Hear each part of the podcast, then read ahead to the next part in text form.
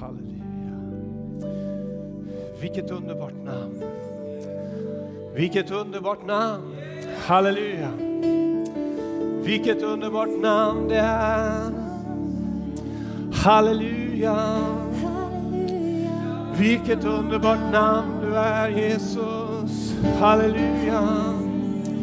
Jesus, Jesus, Jesus, Jesus. Jesus, Jesus, Jesus. Halleluja, la barashiria manana, no, no, no, no, no, no. Halleluja, Jesus. Kina mara santo. Halleluja, halleluja. Åh Jesus, Jesus, Jesus. Tack Jesus för att du är här mitt ibland oss. Tack Jesus för att du är här. Halleluja, halleluja. Kimara santo yara santo rogon, yarama. Halleluja, halleluja, halleluja. Kan vi inte bara fortsätta bara vara inför Herrens ansikte en liten stund till? Halleluja. Kiribisichina namanama, rialabasantio horolo. Kimana masianto,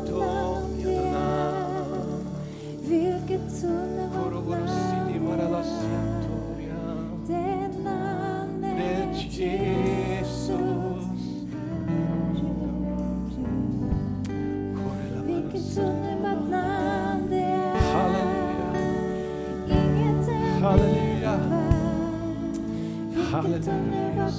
prisa dig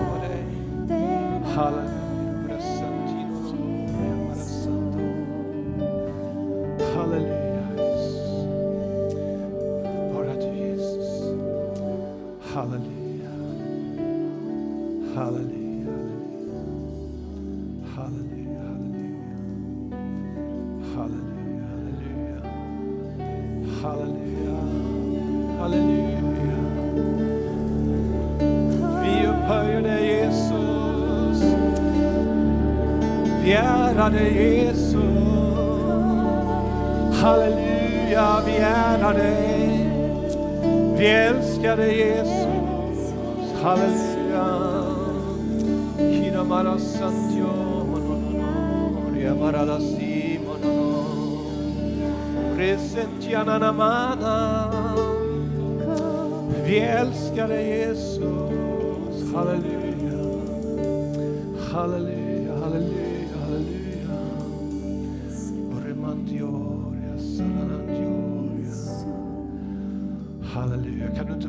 vända dig mot någon och säga att Jesus han älskar dig? Kan du inte göra det? Bara vänd dig till någon och säg Jesus älskar dig. Jesus älskar dig. Halleluja. Halleluja. Tack ska du ha. Halleluja. Halleluja.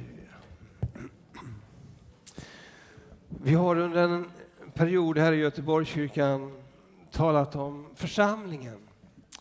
Och jag ska fortsätta göra det idag. Vi har fått, jag vet inte om ni har reflekterat över det, men vi har fått en, en mängd fantastisk undervisning om församling. Det är olika infallsvinklar, olika typer av undervisning från olika personer. Och egentligen så kan man säga att om vi hade plockat samman de här, de här söndagarna då vi undervisat om församlingen så skulle vi kunna liksom göra en liten församlingsbibelskola av den undervisningen för den har varit så suveränt bra. Jag hoppas ni, har, ni känner, ni känner liksom det att det har varit så fantastiskt bra att vi är tacksamma för den undervisning som vi har fått när det gäller församlingen. Eh, och jag vill fortsätta tala om församlingen idag. Amen. Och det jag vill tala om idag det är liksom, vad är församlingens syfte? Och vi ställer oss frågan varför finns församlingen? Varför, varför finns vi till? Vad är det för mening med att vi finns egentligen? Och det är ju ganska bra att veta det eftersom vi tillhör en församling, eller hur? Och det är viktigt att vi, får, att vi har det som grund i allt det vi gör, på, och gör också.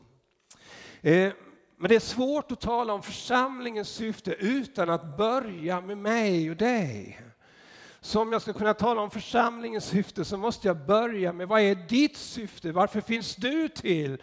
Och varför finns du här? Och vad, vad liksom är, är det för mening med att, med att ditt liv finns? Eller hur? Och när vi liksom har benat upp det, då, då, då, går vi vidare in och ser varför finns församlingen till? För att de här sakerna de, de hör ihop. Och eh, det, det är viktigt att veta liksom, vad är syftet med mitt liv? Det är viktigt att veta varför finns församlingen? Varför är vi här? Vilka är vi? Och eh, vad, vad, vad vill Gud egentligen med oss? Halleluja. Eh, och då tror jag att det är på det sättet att när vi liksom får den grunden i våra liv så, så kan vi gå vidare med allting annat, med, med, med det syfte vi har, med en helt annan liksom motivation, en helt annan drivkraft, en helt annan inriktning med våra liv.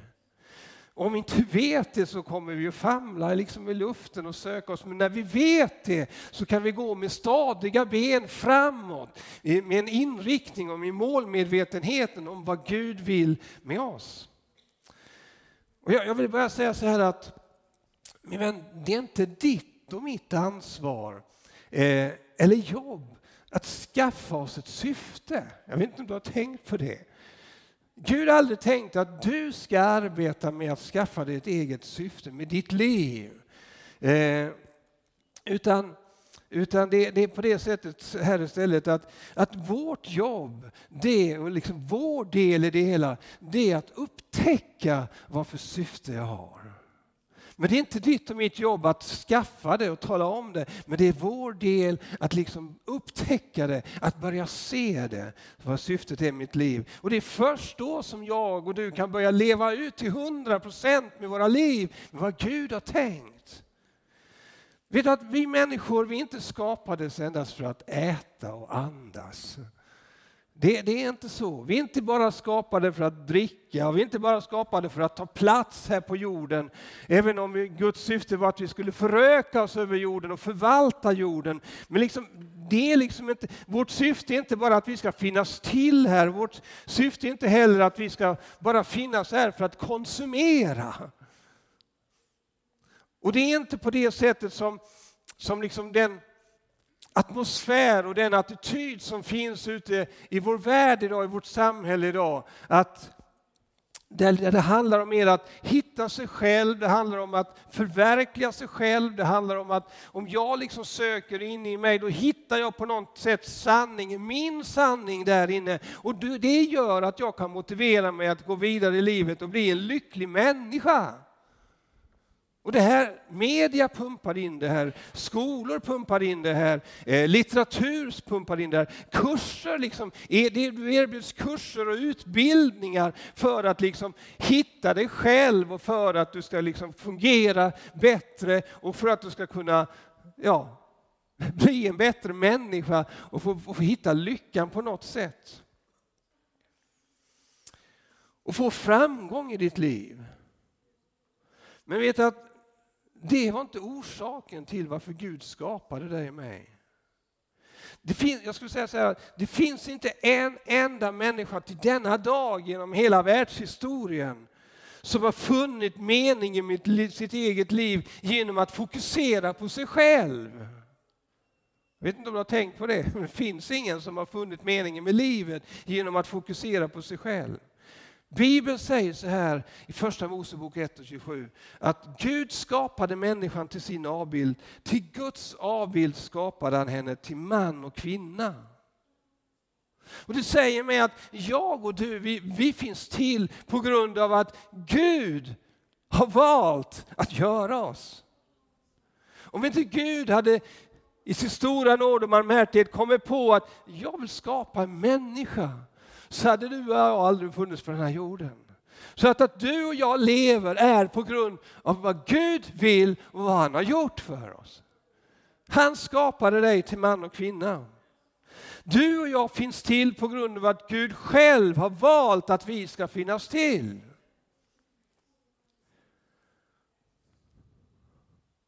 Vi är skapade av Gud och vi är skapade åt Gud Första Korinthierbrevet 1 och 9 står det så här att Gud är trofast som har kallat er till gemenskap med sin son Jesus Kristus.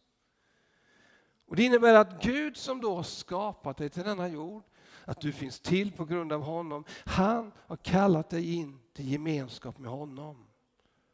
Och Han gör det genom Jesus Kristus, genom att han vandrar här på jorden. Han bar all vår synd, han bar all vår smärta, vår sjukdom upp på korsets träd. Han vann seger över djävulen, han vann seger över, över synden. Och det gjorde att han banade en väg tillbaka till Gud för alla människor som i tro tar emot honom. Så det han gör är att han kallar, han skapar dig och så kallar han dig in i gemenskap med honom. Genom Jesus Kristus. Och det innebär att min vän, du och jag, vi är inte centrum. En del tror det, men vi är inte centrum. Jag är inte centrum, utan det som är människans centrum, det är Gud.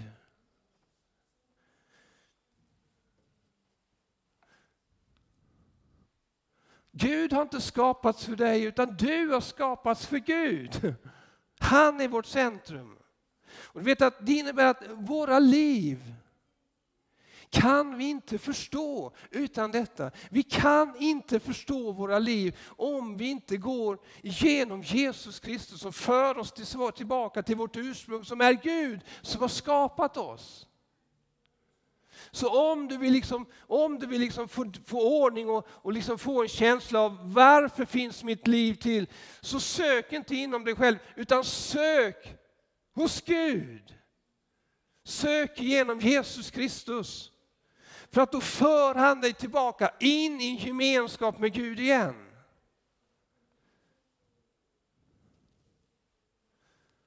Och i detta så kan Gud fullfölja sin vilja, sin tanke, sitt syfte med ditt liv. Så om du söker ditt syfte, sök inte på massa andra ställen, utan sök genom att söka Jesus. Sök genom att Ge ditt liv till honom. In i en djup relation med Jesus, in i en djup relation med Fader, Son och den helige Ande. Och när du liksom kopplas tillbaka och blir pånyttfödd och kopplas in i Guds rike igen på det sättet, min vän, då börjar du och börjar se vad syftet och meningen med ditt liv är. Och du vet att människor som inte har tagit emot Jesus, de, de söker någonting. Det är så fantastiskt när man hör vittnesbörd om människor som har sökt, sökt och sökt och så, och så har de plötsligt upptäckt att jag söker Jesus. Och då försvinner den här frågan på något sätt ur deras liv. Har ni tänkt på det? För när man har mött Jesus i sitt liv och tagit emot honom som sin frälsare, då frågar man inte längre vad är meningen med mitt liv? Utan då har man liksom på något sätt hittat tillbaka till det. Utan då är det andra frågor som träder in som är viktiga också. Men inte där att man söker någonting. Det står i Efesierbrevet 2.10 så här. Till hans verk är vi skapade Jesus Kristus till goda gärningar som Gud har berett, förberett så att vi ska vandra i dem. Fantastiskt bibelord. I Handbok för livet så står det så här, jag tyckte det var bra uttryckt också. Det är Gud själv som har gjort oss till vad vi är. Fint va? Och gett oss nytt liv genom Kristus Jesus. Så förvandlade han oss till att göra det goda som han från början har bestämt oss till. Som han från början har bestämt oss till. Det innebär att, att vi läser en bibelvers till. Psalm 139 och 16 så står det så här, 16 så står det så här. Dina ögon såg mig när jag ännu var ett outvecklat foster. Och alla mina dagar blev skrivna i din bok. Och de var bestämda innan någon av dem hade kommit. Det säger mig, det finns en barnsång som, en barnsång som frågar, så här, den, den, ja, den fanns för ja, 80-90-talet. Gud, var fanns jag innan innan jag fanns till. Och så svarar han att, nu kommer jag inte ihåg exakt texten, men svarar att det fanns jag i Guds hjärta. Och min vän, du och jag, vi har funnits i Guds hjärta hela tiden, redan innan vi finns till. Redan när du låg i din mammas mage och var ett outvecklat foster, så, så då hade Gud redan förbestämt ditt liv. Han visste redan syftet med ditt liv och han visste vad han ville med ditt, liv. Han hade, med ditt liv. Han hade en plan för dig. Och du vet att när jag tar emot Jesus och blir frälst, då förs jag tillbaka in i det ursprung, i det Gud har tänkt för mig och mitt liv. Och det underbara är att jag får leva i mitt liv med förutberedda gärningar varje dag. Mitt liv är förberett av en levande Gud. Varje dag i mitt liv är det. Och Det innebär min vän att när du blir frälst och tar emot Jesus så finns det ingen dag utan betydelse i ditt liv längre. Utan alla dagar finns till för något, den har ett syfte. Och där formar Gud dig. Där låter Gud dig mogna, där låter Gud dig växa, där låter Gud dig gå igenom saker. Allt för att liksom du ska föras in i en djupare och in mer innerlig, intim gemenskap med honom. Och så formar han dig till att du ska bli mer och mer lik Jesus Kristus. Alla dagar, allt du går igenom har ett syfte för att Gud vill någonting med ditt liv. Han vill förädla dig, han vill att du ska tjäna honom på ett fantastiskt sätt. Så allt i ditt liv har ett syfte min vän när du följer Jesus. Ibland är det för svårt, och är svårt att förstå det. Det är väl inte bara jag som känner så ibland. Varför Gud fick jag gå igenom detta? Varför hände detta? Men när man ser i backspegeln så ser man ändå att det finns en välsignelse. Det finns någonting som ändå har varit välsignat med att man har fått gå igenom vissa saker. Någonting som har fått mig att mogna. Någonting som har, när jag kommit ut ur det på andra sidan, gjort att jag har blivit starkare. För mina vänner, mina vänner, alla dagar i ditt och mitt liv är förberedda av Herren. Han har ett syfte med dig. Och ju närmare och djupare in i innerlig gemenskap med honom du lever, ju mer kommer hans syfte med ditt liv att träda fram. Amen. Halleluja.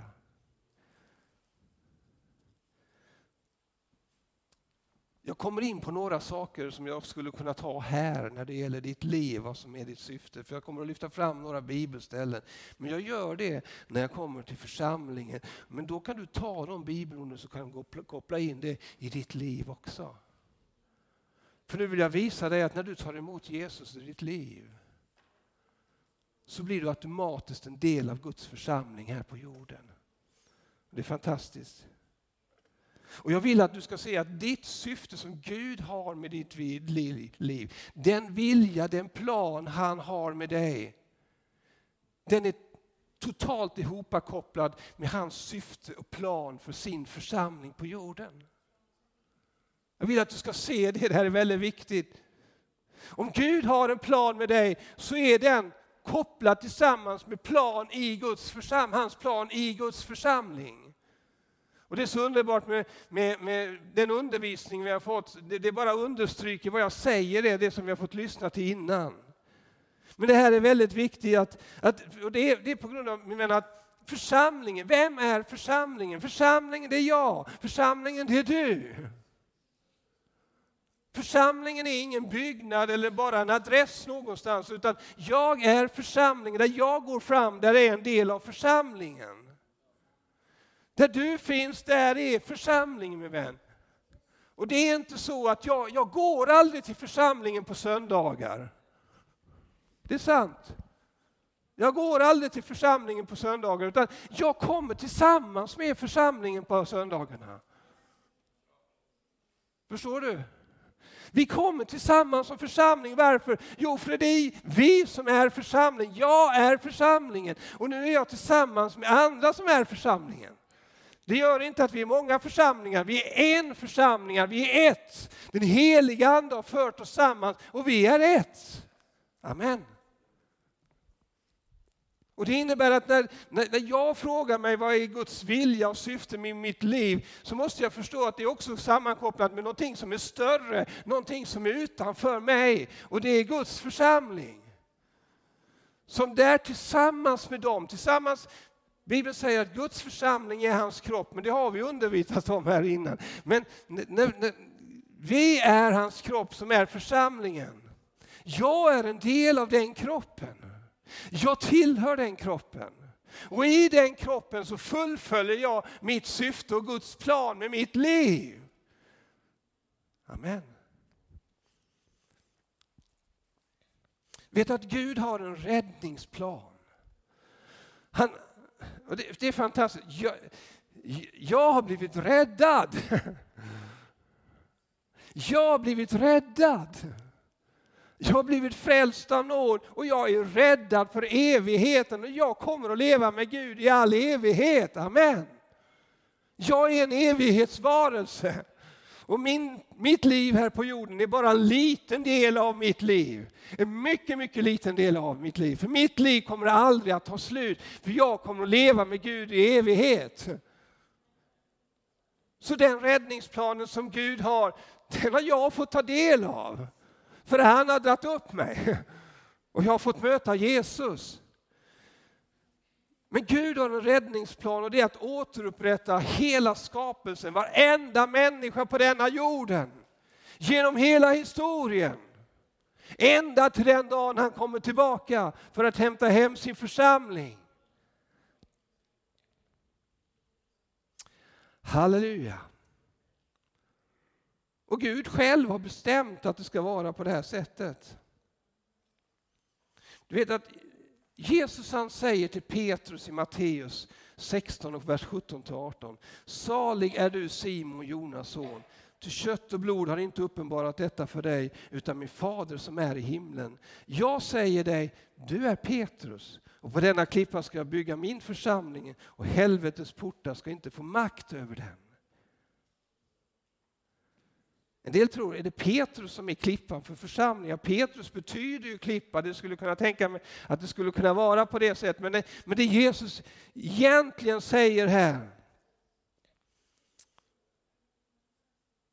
det handlar om att det är Jesus själv som är klippan. Det här handlar om att Gud bygger sin församling. Alltså Gud själv, jag kommer att visa det på ett bibelord sen också, Gud själv har bestämt att församlingen ska finnas. Det är Gud som har skapat församlingen. Det är Gud som har hittat på den. Det är ingen människa som har hittat på Guds församling. Det är Gud själv. Det är därför vi säger Guds församling. Det är Guds. Det är han som har hittat på den, det är han som har skapat den. Och Gud bygger sin församling på dem som likt Petrus har sett och fått uppenbarat för sig vem Jesus Kristus är, att han är Guds son förstått att Jesus dör för, dog för mina synder, förstått att Jesus dog verkligen på Golgata kors. Och han, han vann seger över djävulen, över demonerna, väldigheten, över synden. Och han uppstod från de döda och han lever idag. Den människa som ser det är den människa som Gud bygger sin församling på. Halleluja. Och det hade Petrus gjort. Han hade sett, han hade förstått att det var på det sättet. Så när han säger till Petrus, på denna klippa ska jag bygga min församling, så kan du sätta in ditt namn där också. Ditt och mitt namn, på denna Anders Wahlund ska jag bygga Guds församling. För han har fått uppenbarelse, han har fått se vem Gud, vem Jesus är. Halleluja.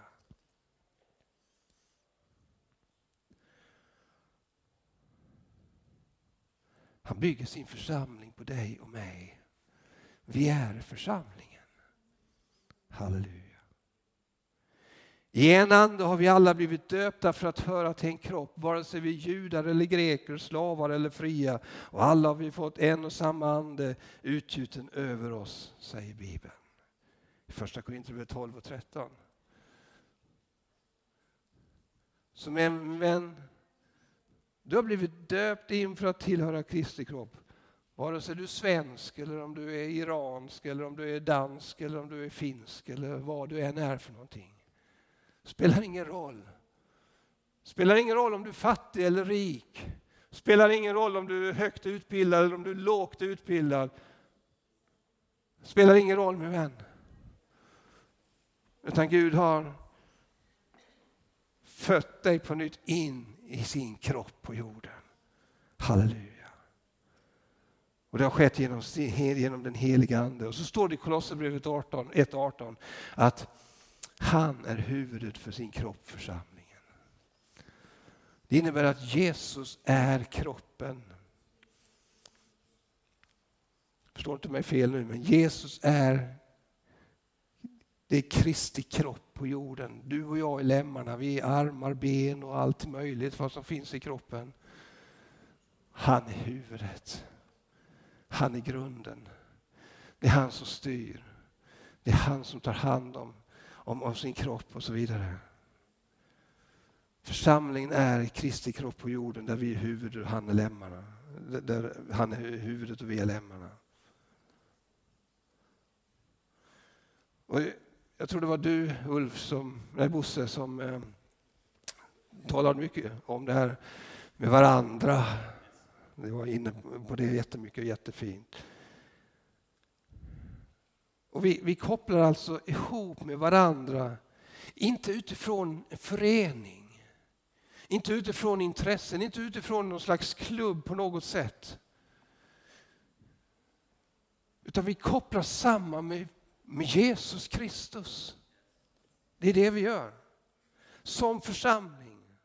Och Det gör att församling är, församlingen är något levande.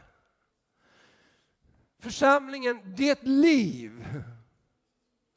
Så när jag tar emot Jesus Kristus i mitt liv, då får jag Guds liv inom mig som jag delar tillsammans med andra som har Guds liv inom sig. Och tillsammans så lever vi ett liv för Gud.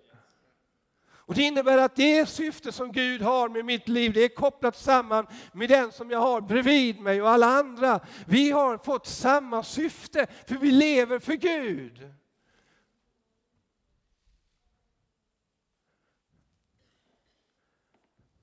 Så när jag överlåter mig till Jesus, så överlåter jag mig till hans församling. Jag kan liksom inte överlåta mig till Jesus och så, så släpper jag mig inte om hans församling. Jag menar, har du sett ett huvud gå omkring någonstans? Det är hur dumt som helst. Eller huvudet och så en arm. Förstår du hur tokigt det tanken är? När du överlåter dig till Jesus Kristus så överlåter du dig till hans kropp på jorden som är församlingen. Och det är för att Gud har, har, Gud har förberett en räddningsplan för alla människor. Och när jag tar emot Jesus i mitt liv, då blir jag en del av den räddningsplanen på jorden som han har. För att vinna alla människor tillbaka in i gemenskap med honom igen. Församlingen bygger inte på verksamheter. Vi har verksamheter. Det är riktigt. Det blir så på grund av räddningsplanen. Men vi bygger inte på verksamheter. Församlingen bygger inte på traditioner. Vi, vi skaffar oss vissa traditioner, så, så är det. Jag kommer inte att säga annat. Vi har vissa traditioner här, även om vi är ganska ung församling. Andra församlingar andra traditioner. Men vi bygger inte på traditioner, min vän.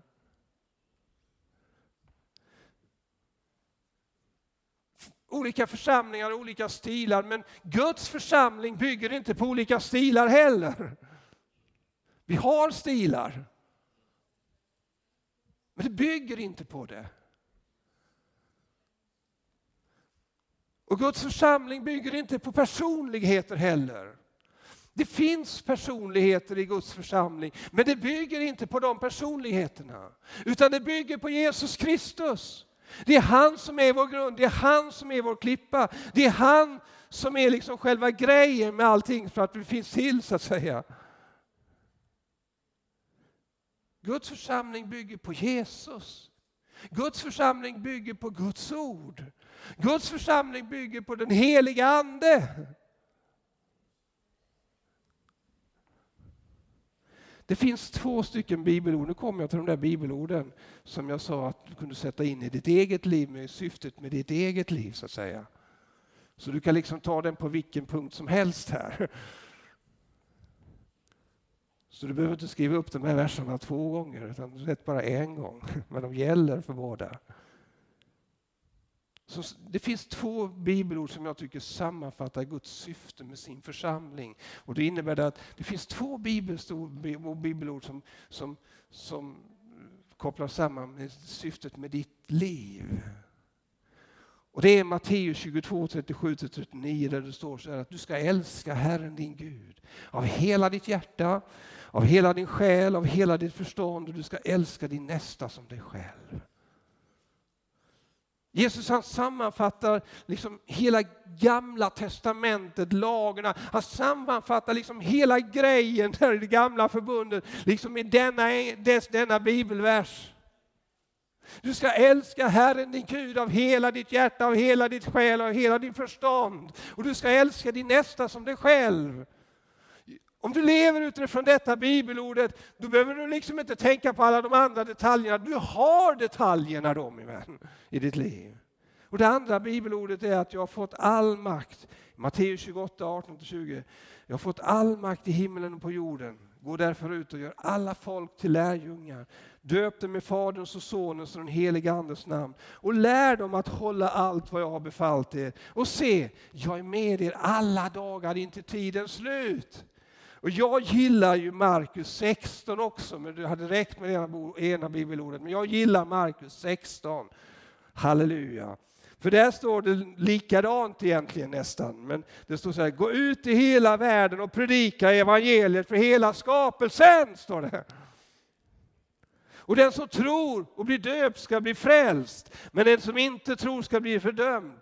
Tecken ska följa dem som tror detta. I mitt namn ska de driva ut onda andar, de ska tala med tungor, de ska ta ormarna i händer och de ska, om de dricker något dödligt gift så ska de inte skada dem och de ska lägga händerna på de sjuka och de ska bli friska, står det. Min vän, i de här bibelverserna så har du Guds hela räddningsplan och Guds syfte med dig och med församlingen. Han vill att du ska älska honom av hela ditt hjärta. Han längtar efter en sån intim relation med dig, där ni liksom är wow med varandra. För att han vill ge dig av allt det han har. Han vill forma dig. Han vill leda dig genom sin ande. Amen. Och liksom det, det, här, det, här, är, det här är oerhört viktigt. Men de här bibelverserna sammanfattar allt vad vi gör. Och tillsammans så visar de Guds vilja och syfte med oss. Älska Gud av hela ditt hjärta. Det handlar om din och min relation till Gud och gemenskap med Gud. Det handlar om församlingens relation med Gud.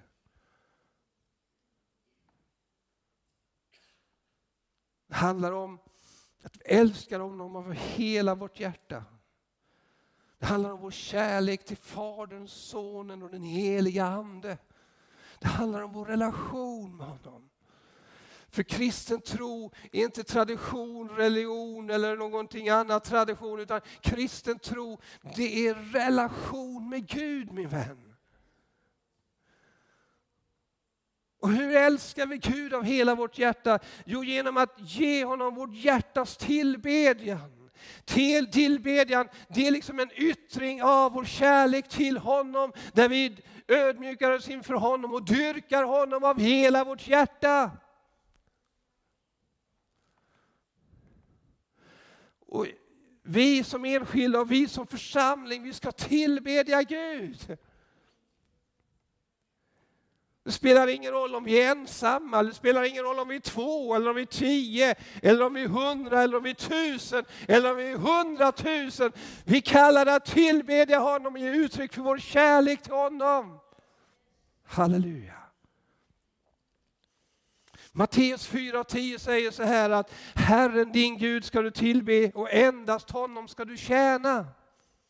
Lägg märke till att tillbedjan kommer före tjänandet.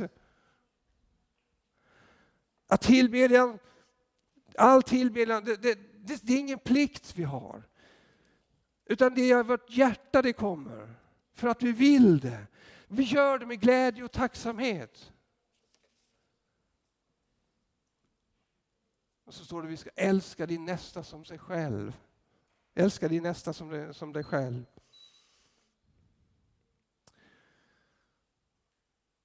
Egentligen ordet för det som liksom beskriver liksom syftet med det här, det är tjänande. Att älska din nästa som sig själv, det innebär att jag kommer in i ett tjänande. Där jag betjänar människor på grund av att jag älskar dem. Att älska en medmänniska, det innebär att jag betjänar medmänniskan. När jag visar kärlek, när jag hjälper till, så innebär det att jag går in i ett tjänande för den personen.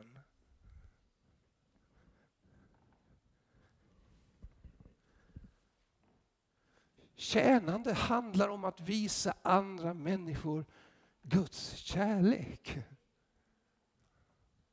Att Gud älskar dem genom oss. Tjänande handlar om att gå in, att älska människor genom att fylla deras behov. Att tjäna det innebär att hela deras sår. I Jesu namn. Så varje gång vi vänder oss till våra människor i kärlek så betjänar vi dem. Har du tänkt på det? Och syftet med Guds församling och syftet med ditt liv, det är att du och jag ska betjäna människor och möta alla deras behov. Så när människor kommer till församlingen med behov så ska vi vara med med Guds hjälp att betjäna dem med det. Förstår du? Det är Guds syfte med oss. Andliga behov, känslomässiga behov, relationsmässiga behov, kroppsliga behov. Jesus han till och med säger så här att en bägare vatten som man ger någon i hans namn, det är en gudstjänst som inte kommer att bli bortglömd.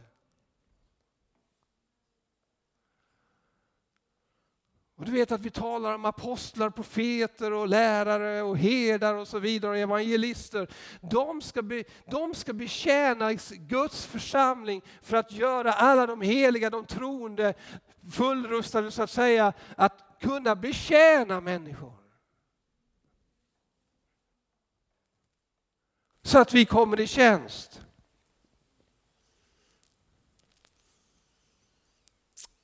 Och så kommer vi till att gå ut med evangeliet. Var inte orolig, jag är snart klar. Matteus 28, Markus 16. Vårt uppdrag och vårt syfte, det älskar av Gud av hela vårt hjärta. Och det älskar vår nästa som oss själva. Men vårt syfte och uppdrag det är också att evangelisera världen. Gå ut med evangeliet om Jesus Kristus till alla människor på denna jord. Det är vårt stora uppdrag. Ordet gå i den här befallningen betyder på den grekiska grundtexten medan du går. Så det är Guds vilja och syfte med dig och mig, min vän, och med, och med oss som församling. Att medans vi går, medans vi lever våra liv och går fram genom våra liv, så ska vi tala om Jesus, vittna om Jesus. Vi ska evangelisera.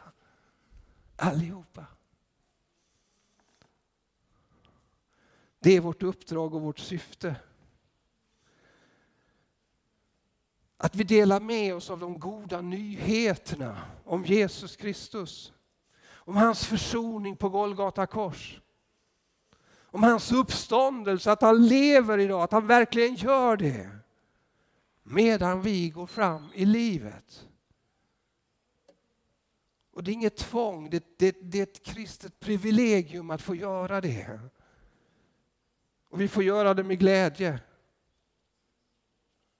Och så ska vi döpa dem. I Faderns och Sonens och den helige Andes namn som Matteus 28 säger. Och så skulle vi lära dem att hålla allt vad som han har befallt träna människor, undervisa människor. Göra dem till lärjungar. Vet att Bibeln sen känner bara till en typ av kristna. Och det handlar inte om missionsförbundare eller om Svenska kyrkan eller om Göteborgskyrkan eller Pingstvänner eller någon ekumeniker eller vad den är för någonting.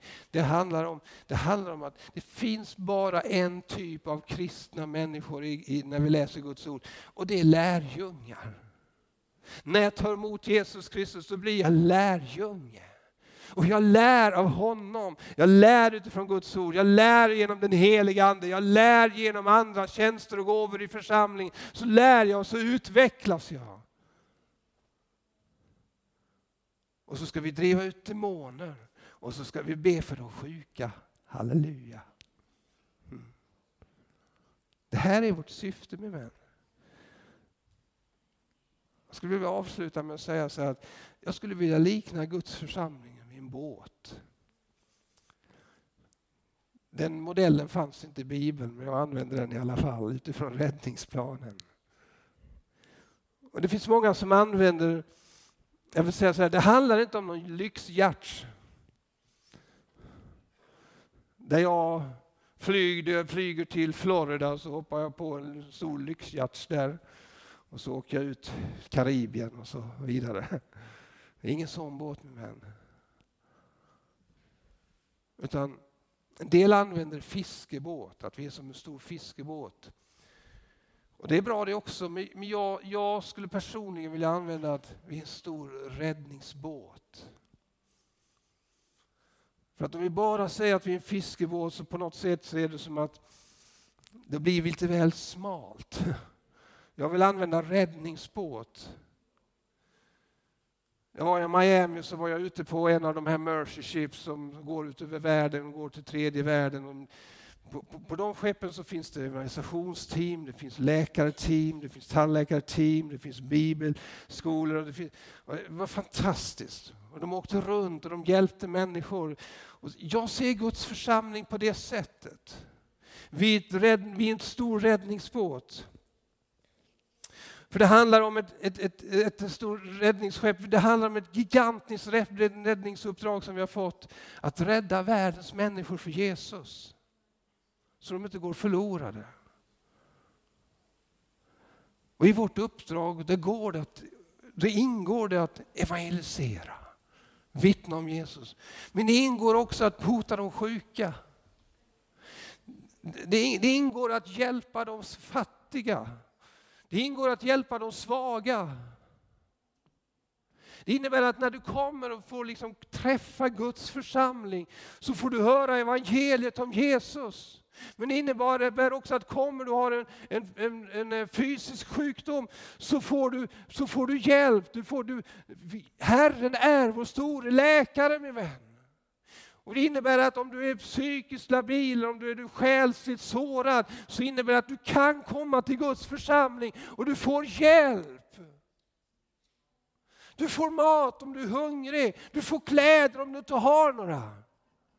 Allt detta finns med i räddningsskeppet och jag vill se det på det sättet. Och församling kan inte bara vara en arbetsgemenskap. Du må, ibland blir man trött förstår du och då måste man kunna komma till Guds församling och känna att jag får bara vara. Men du ska inte leva kvar i Vara hela tiden min vän. Men du måste också kunna komma till församlingen och du får, du, du får liksom läggas in på sjukstugan. Och det, det, det, du måste få göra det, sen ska du inte leva kvar i sjukstugan resten av ditt liv. Men alla de här ingredienserna måste finnas på vår räddningsbåt. För att vi finns till för att rädda människor oavsett vad de har för behov. Halleluja. Så tillsammans är vi församling. Tillsammans är vi församlingen. Tillsammans, det är vi som är själva räddningsteamet för människor. Det är vi som är de utsträckta händerna från Gud. Det är vi som älskar med Guds kärlek. Det är vi som ska vara Guds närvaro så att människor upplever den. Det är vi som ska vara den helande kraften som når ut till människor. Och det är vi som ska komma med befrielse för människorna. Det här min vän, det är Guds vilja och syfte med dig och med sin församling. Maria, ska vi ta och förbereda oss lite grann med lovsång? Halleluja.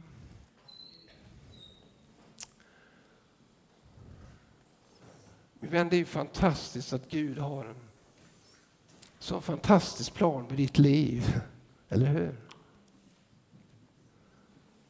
Ja, det är inte så mycket med mig, tycker du kanske. Men jag skulle önska att Guds ande fick dig att börja se och upptäcka idag vad Guds syfte med ditt liv är. Och du ska inte, det är inte genom tjänsten som du lär känna Gud. Det är inte genom att börja i syftet som du lär känna Gud och får det. Utan det är det att söka hans ansikte först. När du gör det så kommer Guds ande genom ordet och genom andra människor som har gåvor och tjänster som kommer att stötta dig och visa dig vad Guds väg med ditt liv är.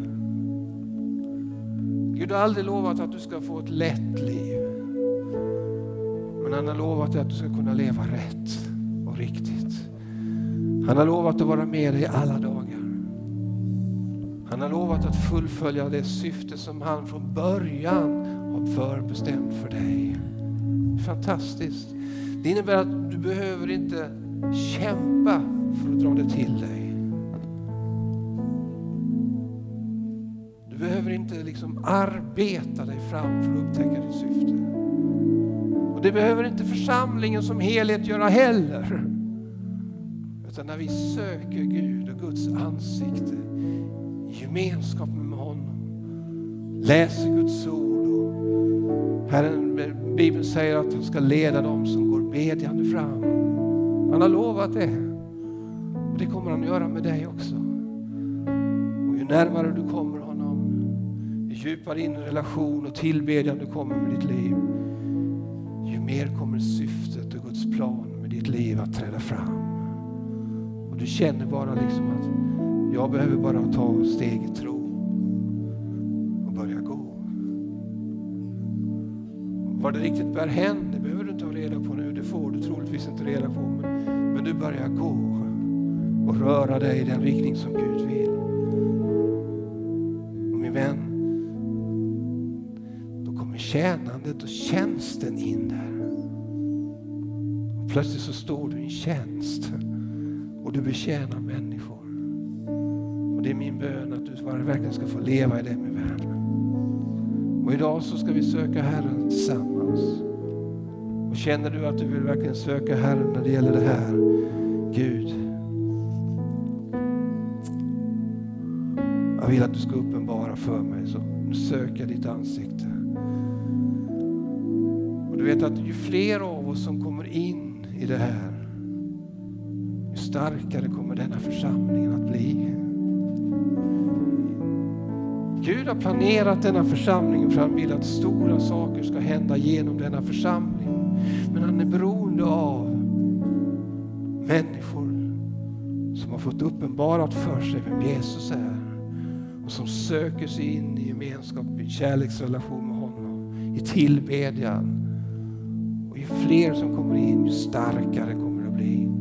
Halleluja. Kan vi inte resa på oss och så leder teamet oss i en lovsång. Och jag tänker inte göra någon speciell förbön. Boris har säkert någonting han har på sitt hjärta också, men jag vill ändå bara göra en inbjudan.